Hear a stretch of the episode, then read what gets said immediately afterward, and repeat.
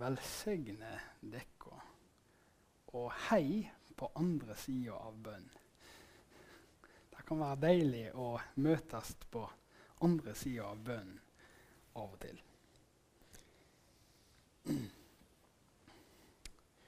Den siste tida og de siste søndagene så har vi jo berørt det som jeg har kalt for litt sentrale tema ut ifra Bibelen. Vi har tatt utgangspunkt i apostlenes gjerninger kapittel 2, eh, der det står om eh, ånden eh, som falt over folket på pinsedag. Eh, og vi har, eh, ser at eh, vi har snakket om dette her med Peter, som reiste seg opp igjen og forkynte til folket som så det som skjedde når ånden falt. Og da har vi snakket om at, at det stakk i hjertet. Og de sa, 'Hva skal vi gjøre for å bli frelst?' Og Peters svar var, 'Vend om.'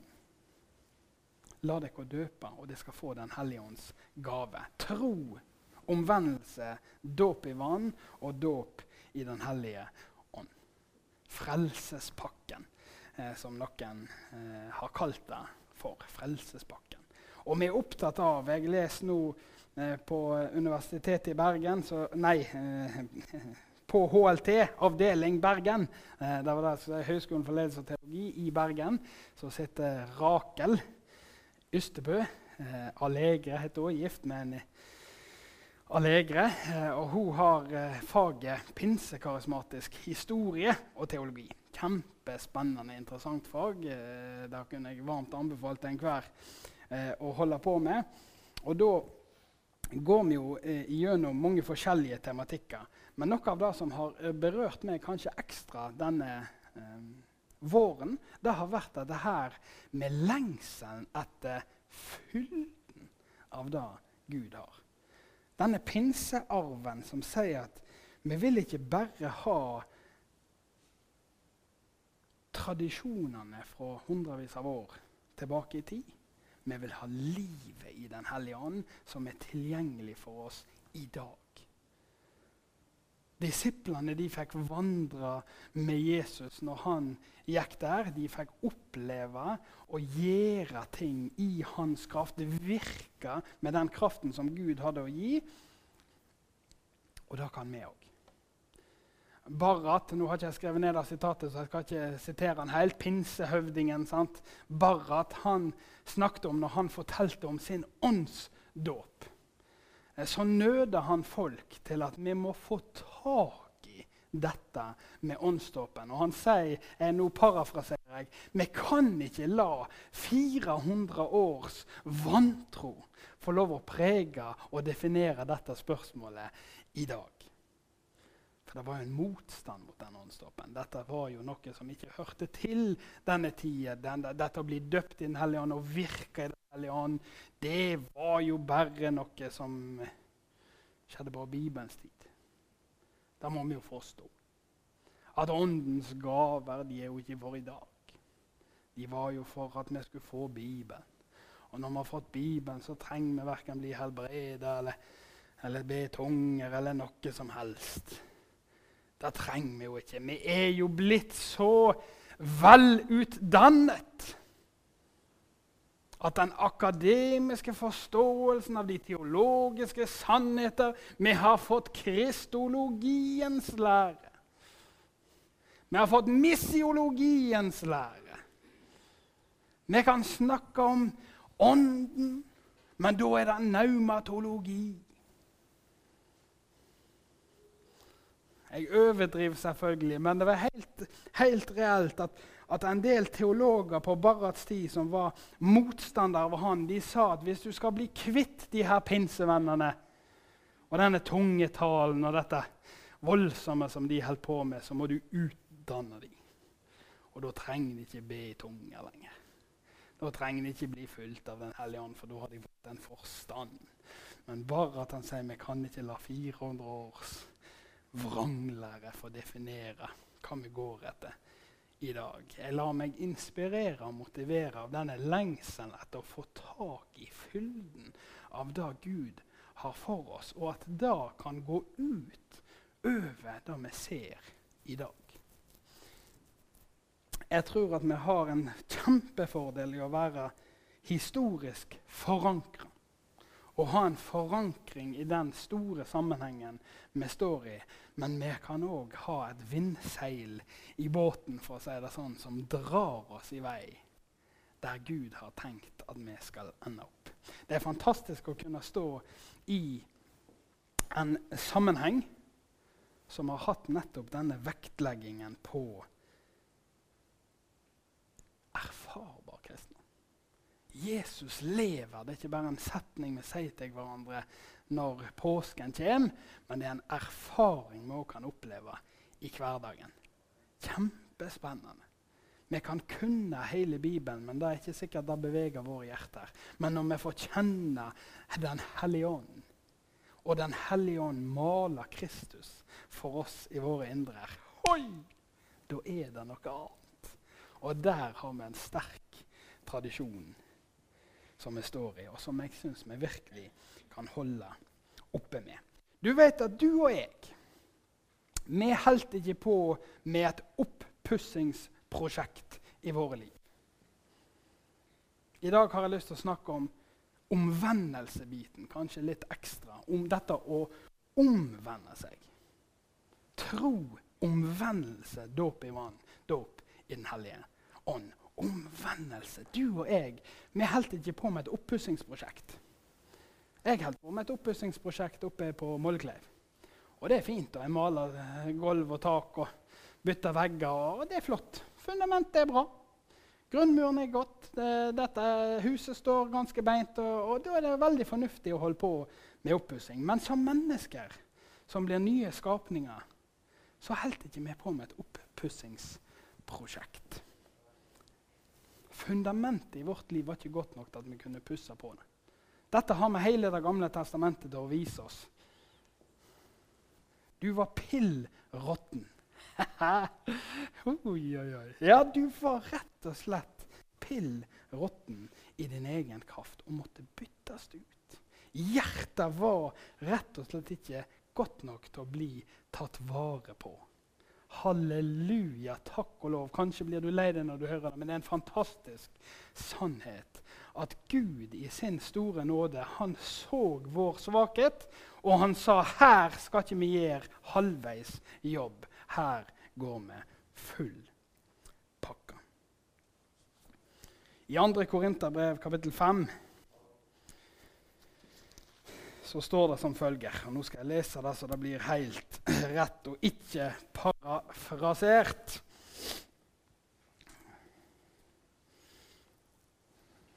Så, fra vers 16, så skriver Paulus dette. Så kjenner vi ikke lenger noen bare på menneskevis.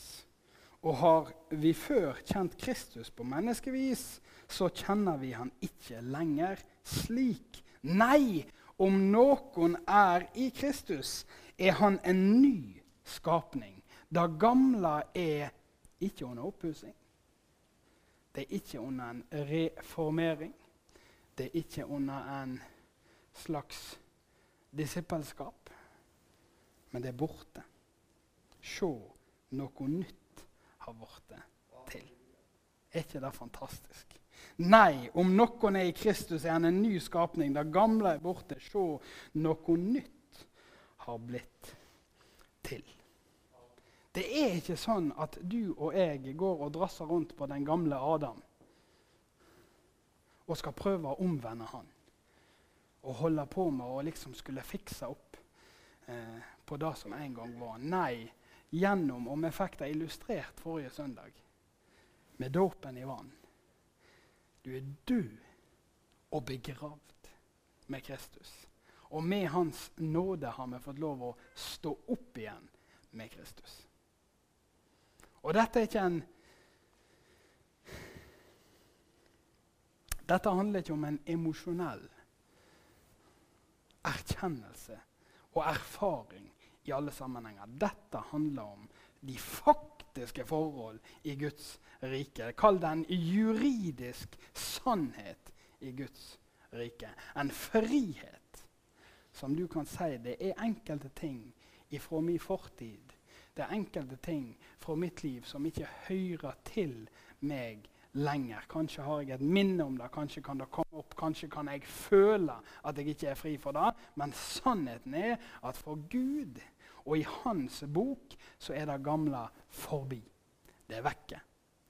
Alt du har dratt med deg inn til Jesus, trenger du ikke dra med deg videre fra Jesus.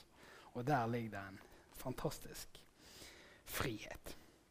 Du vet at Den gamle pakt den viser oss en relasjon og en tilnærming til Gud der vi må gjøre ytre gjerninger eh, for å tilnærme oss den levende Gud. Vi må ofre, vi må eh, holde mange seremonielle og eh, rituelle handlinger eh, som er viktige og, og, faktisk avgjørende for at en kan forholde seg til Gud på en god måte. Den gamle pakt var det ingenting feil med, eller loven var det ingenting galt med, men loven hadde, var et oppussingsprosjekt. Loven var et oppussingsprosjekt der en søkte å ordne på dette gamle steinhjertet. Men gjennom Jesus Kristus og Hvorfor bruker jeg litt tid på dette? her? Jo, jeg bruker litt tid på dette her for at vi skal kunne gripe hvor fantastisk det er når Jesus kaller oss på denne sida av pakta. Når han dør på korset og står opp igjen for oss, så er det full pakke. Det er ferdiglagt igjen. Når han sier det er fullbrakt, så er det helt sant. Og jeg tror vi har godt av virkelig å repetere og granske og dykke ned i evangeliets sentrale sannheter, sånn at det fundamentet som i sannhet vi bygger på, det skjønner vi at vi bygger på. Vi kan faktisk lure oss sjøl til å tro at evangeliet er mindre godt enn det egentlig er. Og det liker fienden veldig godt. Han heier faktisk utrolig på oss hvis vi tenker at Jesus han er kanskje mektig nok til å få meg innom i himmelen, men det er så vidt. Men nå må jeg stå helt rolig og sitte fint på stolen resten av livet, så ikke jeg skal falle ut for det som Jesus har gjort for meg, for det er lett. Nei, det er ikke lett. Det er faktisk veldig vanskelig å falle vekk for det Gud har gjort. For fundamentet er blitt nytt. Det er revet, og det er bygd nytt. Det gamle er forbi. Alt er blitt nytt. Og vi lever i en tid der det ikke er de ytre tingene. Sant? Den gamle pakt, her var vi på det ytre nivå, det var ytre gjerninger, og vi hadde en fysisk omskjærelse. Det var tegnet hvordan kan vi se at du er en av Guds folk, og du har en fysisk omskjærelse. Men Paulus igjen, som vi jo kommer til å snakke om for det meste i dag, eh, han skriver i Romerne kapittel 2. Og Det skal jeg òg lese opp til dere. Romerne 2,28. Jeg begynner med på. For rett jøde er den er ikke den som er jøde i det ytre. Og rett omskjæring er ikke det som er gjort i det ytre, på kroppen. Jøde er den som er jøde i det indre. Og omskåren er den som er omskåren i hjertet ved ånden, ikke etter bokstaven. Han får ikke ros av mennesket, men av Gud. Den rette jøden er den som er omskjært i hjertet, ved ånden.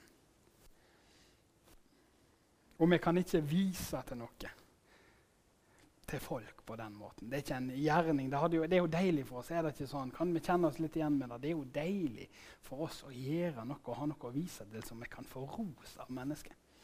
Se hva jeg har gjort, se hva jeg har fått til. Se hvor mange jeg har Hva det nå enn måtte være.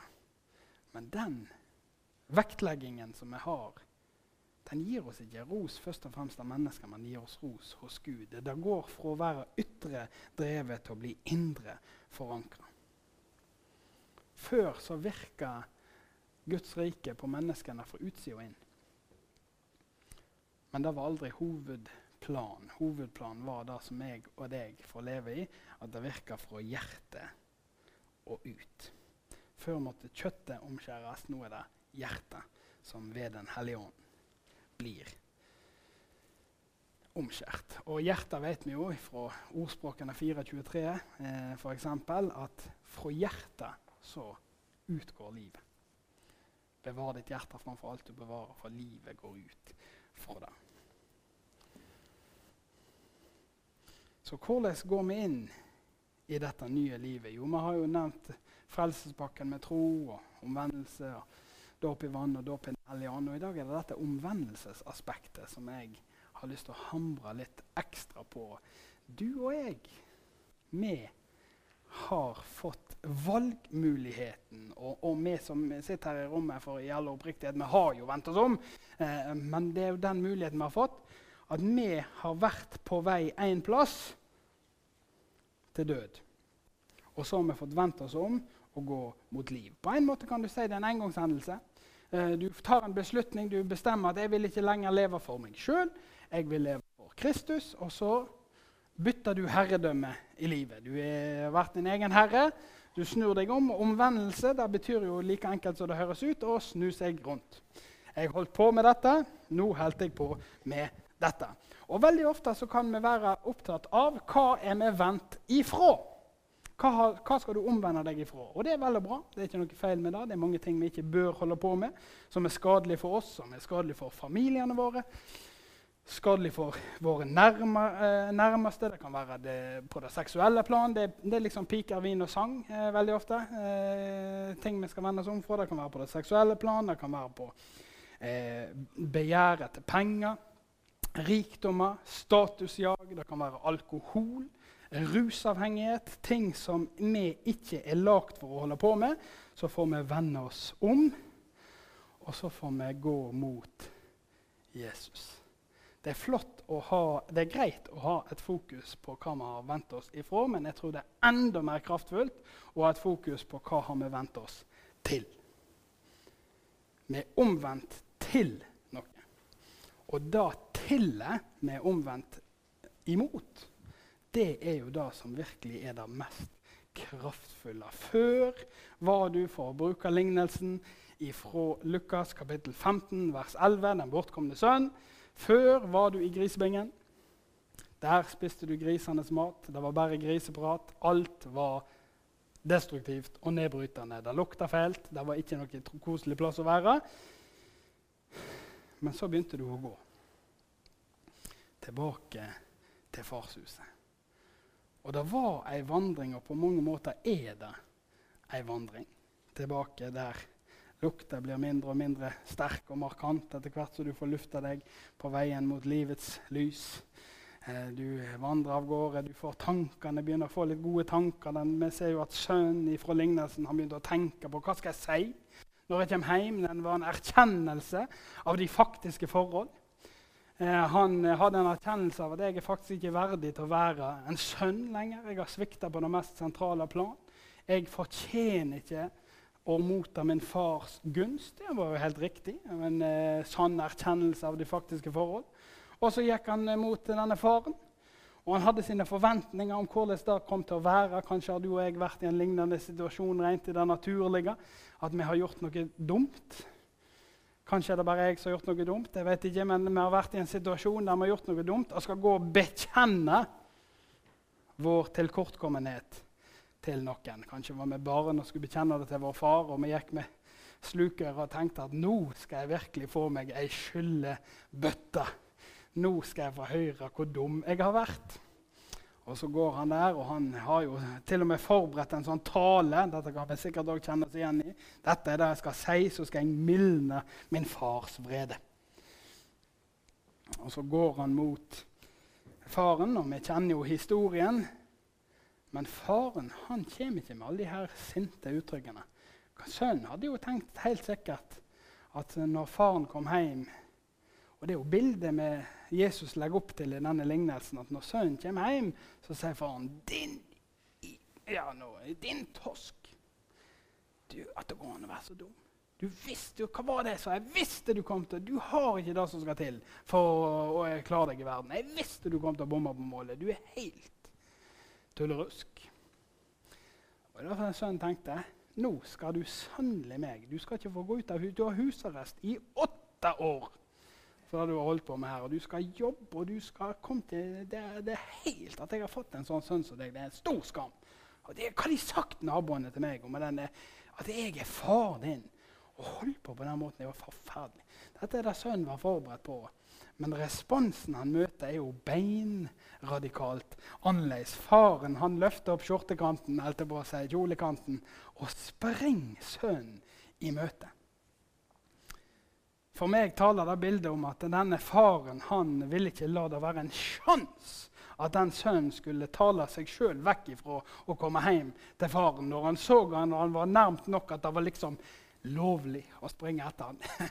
Så beina på alt han klarte, alt han makta, for at sønnen skulle komme igjennom med sin omvendelse. Når han kom til det punktet han hadde gått og lukta ja, sånn, Han hadde tenkt, han hadde erkjent, han hadde kommet der. Så når han møter faren, så har han en tanke om hvordan denne renselsesprosessen skal se ut. Han må jo i hvert fall være husarrest en viss periode. Han må få så og så mye kjeft. Men faren gjenoppretter relasjonen mellom han og sin sønn med en gang han sier nå må det gå og hente de fineste klærne. Det er ring på fingeren, det er sko på føttene. Autoriteten blir gjenoppretta, relasjonen blir gjenoppretta, og de har en stor fest, for han som var vekke, var kommet hjem igjen. Omvendelsen til faren er så mye mer kraftfull enn hva han var omvendt ifra. Vi kunne stått der og snakket om grisebingens detaljer eh, og, og, og, og, hva du ikke skulle holde på med i den, for å si det på den måten, og alt hva det var. Men da møtet med den faren, når han hadde fått vendt seg om, slutta med det han holdt på med, og begynt å gå i riktig retning, den er jo utrolig kraftfull. Og det er det du og jeg er omvendt til en relasjon med vår himmelske far. En relasjon der vi blir gjenoppretta, der han jobber med oss. Kanskje kan vi være så eh, dristige at vi maler ut dette bildet som at det er jo en viss prosess som skjer i vår vandring mot han. Vi trenger bare å omvende oss én gang, for å si det sånn. Eh, hvis jeg kan bruke det bildet. Men på vår omvendte vandring så tror jeg stadig det er sånne kursjusteringer. Oh, nei, nei, nei. Og forskjellige ting som Den hellige ånd kan vise oss at dette som jeg holder på med her, dette må jeg justere på. Vi er omvendt, vi er på vei mot Han, men Han rettleder og veileder oss sånn at vi skal kjenne hele sannheten. Sånn at vi skal leve i fylden av det Han har for oss. Jesus, når vi omvender oss og vandrer mot han, så er det ikke sånn at Jesus han er på en måte på toppen av alt det andre i livet vårt. Eh, vi har et liv, og så holder vi på med alt mulig opplegg. og så eh, det, Vi tar Jesus på toppen. Litt sånn ekstra Jesus. Krydder på toppen av livet. Krydrer med litt Jesus på toppen. Nei, det er ikke sånn. Jesus han blir sjølve livet. Og når Paulus igjen skal beskrive dette her i Galaterbrevet Eh, eh, kapittel 2. Så jeg har lyst til å lese det til dere. Paulus han er jo fantastisk med å ha sine kraftfulle beskrivelser i Guds rike. og Det er helt nydelig. Ved lova døde jeg bort fra lova, så jeg kan leve for Gud. Jeg er krossfest med Kristus. Jeg lever ikke lenger sjøl, men Kristus lever i meg. Og det livet jeg nå lever som menneske av kjøtt og blod, det lever jeg i trua på Guds sønn, som elsker meg og ga seg sjøl for meg. Jeg lever ikke lenger sjøl. Men Kristus lever i meg. Og der livet jeg nå lever, som menneske av kjøtt og blod, da lever jeg i trua på Guds sønn, som elsker meg og ga seg sjøl for meg. Videre skriver han at jeg forkaster ikke Guds nåde. For dersom vi kan vinne rettferd med lova, da døde Kristus til ingen nytte. Dette nye livet det er ikke et krydder på toppen med Kristus, men det er et liv der vi som omvendte, når vi vandrer på den vandringen og den retningen det omvendte livet tar oss, er et liv der vi kommer til bekjennelsen som Paulus òg har. Jeg lever ikke lenger sjøl, men det er Kristus som lever i meg. For meg er livet Kristus. Og det er virkelig et liv i frihet. Der fører omvendelsen deg og meg. Og jeg tenker, for å være praktisk En kan alltid diskutere når skjer hva. Når er jeg rettferdig? Når er jeg helliggjort? Når jeg ditt? Når jeg datt? Og Det er kjempeinteressant, og det kan vi snakke mye om. Men omvendelsen er ikke bare et engangsøyeblikk, og så er vi ferdig med det. Så er det ikke mer å hente. Nei, jeg tror det er en livslang vandring. Der vi ikke trenger kanskje å ta beslutningen om å omvende like sterkt som den gangen vi ble frelst, men en stadig valg om å gå mot Han. Og det er stadig mer land å hente inn. Rettferdiggjørelsen, da at du er rettferdig for Gud, mange vil si, og jeg er helt enig med det, det, det er øyeblikks eh, rettsmessig prinsipp som skjer når vi tar imot Jesus. Helt supert, du er på vei til himmelen, dette er flott. Men så fins det et liv å leve og ting vi kan komme inn i i Gud. Noen sier det er helliggjørelsen. At Kristus en skikkelse i oss. Og jeg tenker nok litt på den måten med omvendelse òg. At omvendelsen det er et øyeblikkshandling der det er et markant skifte fra før og til, men så er det en livsvandring. Og vi kan slutte det er det som er poenget mitt, som jeg vil ta med meg. Vi kan slutte å vandre mot farshuset, for vandringen kan av og til være tøff. og Vi kan bli minnet om ting, og vi, vi tenker at nei, nå vil ikke jeg gå lenger. Jeg vil ikke gå helt til det lovede land, jeg vil gå nesten til det lovede land. Og så finner vi fram en stol, og så setter vi oss ned, og så er vi frelst. Vi er på vei til himmelen. Men Gud hadde noe for oss rundt svingen. Og min oppfordring, oppmuntring og utfordring til forsamlingen og til meg sjøl i aller høyeste grad, det er å fullføre det løpet som Gud har for oss. Kanskje er det til og med sånn at jeg kan si det så eh, radikalt at du trenger kanskje ikke å vandre sjøl. Kanskje er du fornøyd med livet og det du har opplevd i Gud. Kanskje har du slått deg til ro og tenker at Gud er fantastisk, det har jeg funnet ut. Jeg ble... Eh, sterkt møtt av Den hellige ånd på 70-tallet.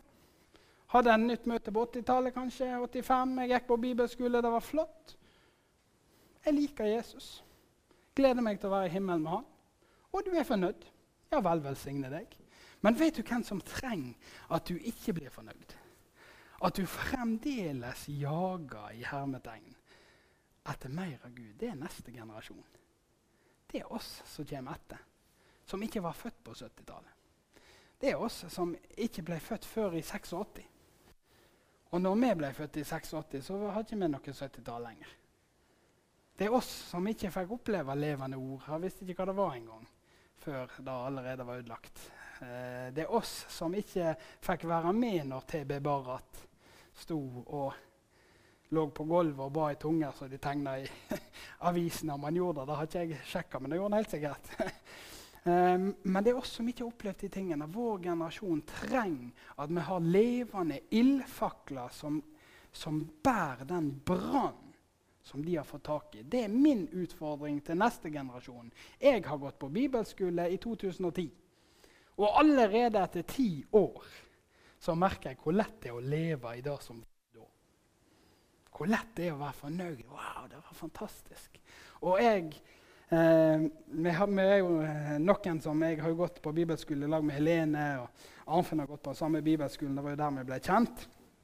Og, og her for eh, noen uker siden så hadde vi en sånn samtale jeg og Arnfinn var det vel, der vi snakket om dette her, at det kan jo ikke være sånn at når vi skal snakke om de mest fantastiske tingene Gud har gjort i våre liv, så må vi tilbake til 2010. Det er jo skandale. Hvis det er sånn det skal være. Ja visst vi skal være takknemlige for det som har vært, men vi skylder faktisk verden rundt oss å få nye, friske opplevelser og erfaringer og åpenbaringer med Gud. For vi lever ikke for oss sjøl, først og fremst. Vi lever for Kristus. Og Kristus, han er, og dette har Øystein Gjerma hamra på i timevis i går, at oppdraget vårt å gjøre disipler. Og det har han helt rett i. Vårt første oppdrag det er å gjøre disipler.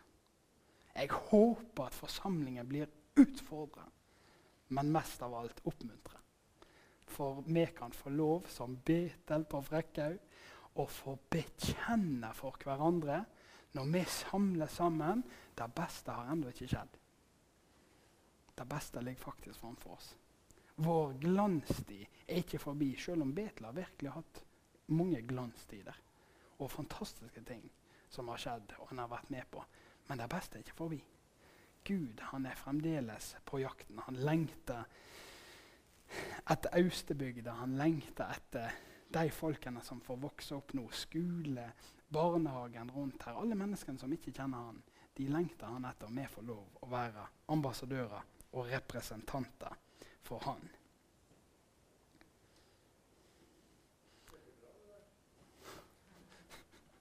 Takk for Om ikke du har lyst til å fortsette vandringen for din egen del, så fortsett for neste generasjon sin del. Hold ilden ved like. Vi har dette bildet fra Det gamle testamentet, og jeg skal avslutte med det. Vi har dette bildet fra Det gamle testamentet at Gud han sender ilden prestene opprettholdt ilden. Vi kan ikke skape ild. Eh, verken i Guds rike eller hva vi skal si. Vi, vi, vi, kan ikke generere den ilden som, som eh, vekkelseskristendommen inneholdt.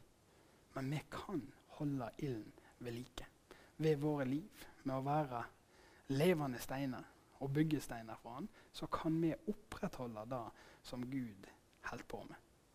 Så la oss være sånne som stadig har lyst til å være hva skal du si, bål på Herrens alter og ild. At vi er tenn ved. At Noen har jo sagt oppe i vekkelseshistorien dette her, at hvordan de skulle nå, nå, eh, Dette kommer på mens jeg taler, så jeg husker ikke akkurat hvem som sa det. Men, men jeg skal sette meg sjøl i brann, og så skal verden få se at jeg brenner. Og gjennom det var jo brannen på eh, brann, Den hellige ånds ild. Og folk skulle bli frelst. Eneste vekkelsesforkynnelsene. Jeg setter meg sjøl i brann, og så får verden se at jeg brenner. Og Det er en tjeneste vi gjør for neste generasjon. Det er en tjeneste vi gjør for området rundt oss. At vi vedlikeholder den brannen og lidenskapen og pasjonen for Jesus vi har i hjertet. Det gjør seg ikke sjøl, men det er veldig tilgjengelig. Gud har sendt ilden. Så er det vi som må legge bål på alteret.